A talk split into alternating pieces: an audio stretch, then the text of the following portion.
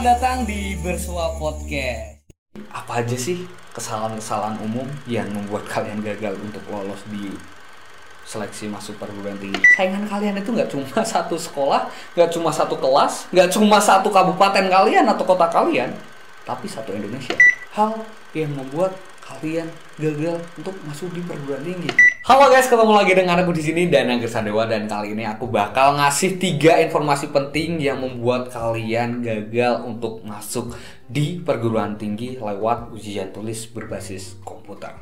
Jadi apa aja sih kesalahan-kesalahan umum yang membuat kalian gagal untuk lolos di seleksi masuk perguruan tinggi ini?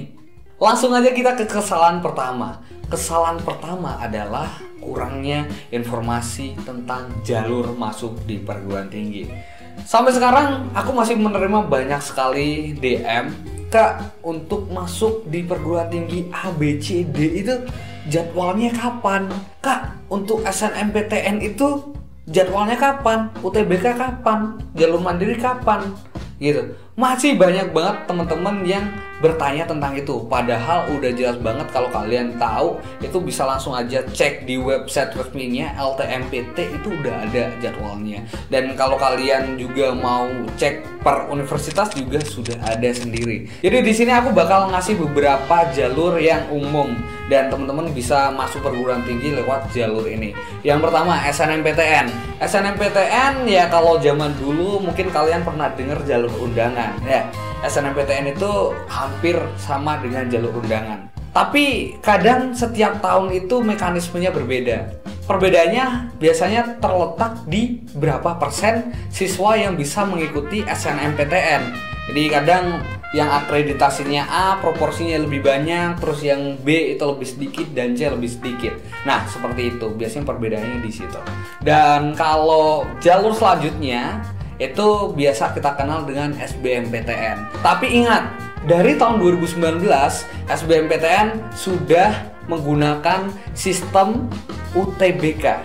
Jadi UTBK itu adalah ujiannya, ujian tulis berbasis komputer. Jadi namanya berbasis komputer berarti kalian harus pakai komputer dan SBMPTN adalah seleksinya. Jadi ketika kalian dapat nilai dari UTBK ini, lalu kalian daftar di SBMPTN lewat nilai yang sudah kalian terima lewat ujian tersebut.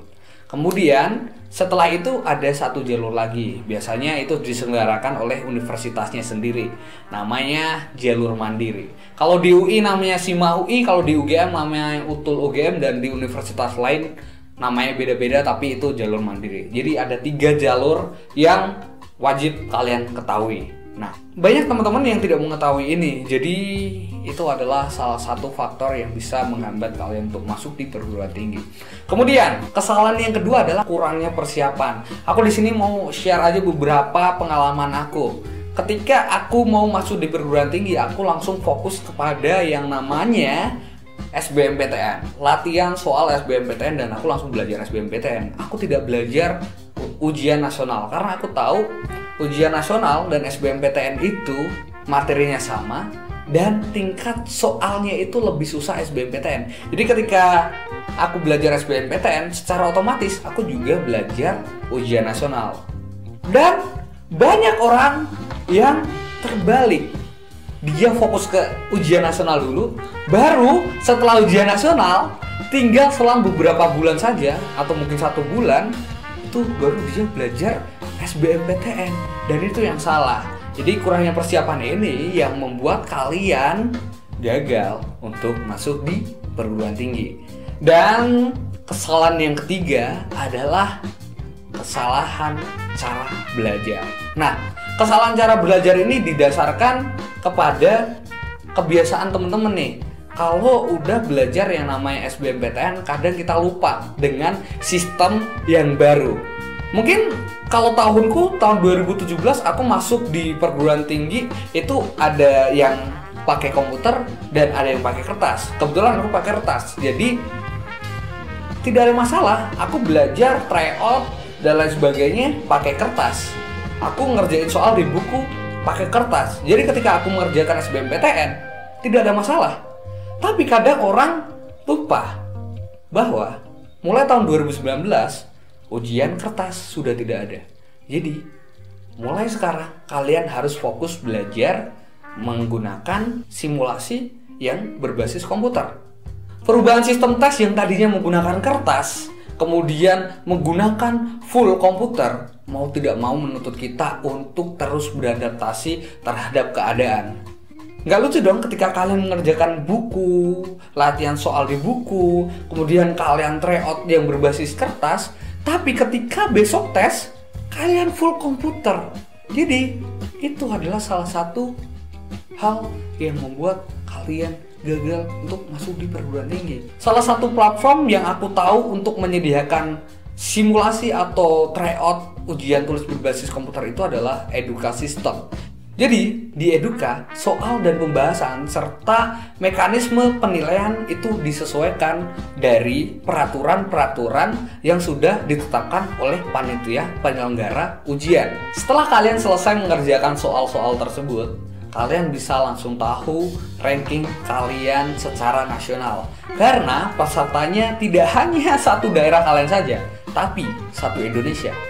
Jadi hasil itu bisa menjadi refleksi kalian dan bahan evaluasi kalian untuk bisa lebih baik lagi ke depannya. Sekaligus setelah kalian selesai mengerjakan soal itu, tidak hanya ranking, tapi kalian juga bisa dapat statistik nilai kalian. Jadi kalian bisa tahu kelebihan kalian di mana dan kekurangan kalian di mana.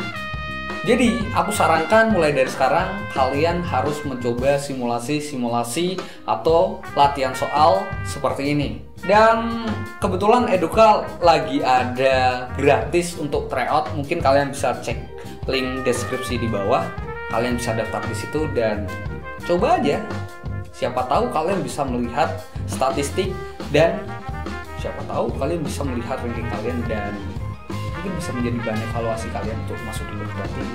Karena ingat, saingan kalian itu nggak cuma satu sekolah, nggak cuma satu kelas, nggak cuma satu kabupaten kalian atau kota kalian, tapi satu Indonesia. Memperebutkan satu kursi di PTN itu jauh lebih susah daripada kalian menjadi juara di kelas kalian. Gitu. Thank you banget. Aku dan Reksa Dewa dan sukses buat kalian semuanya. Jangan lupa like, comment, share, dan subscribe dan see you itu hanya di hmm, perbedaannya itu biasanya terletak di pada proporsi berapa persen siswa yang bisa ikut SN This one? Ah, ah.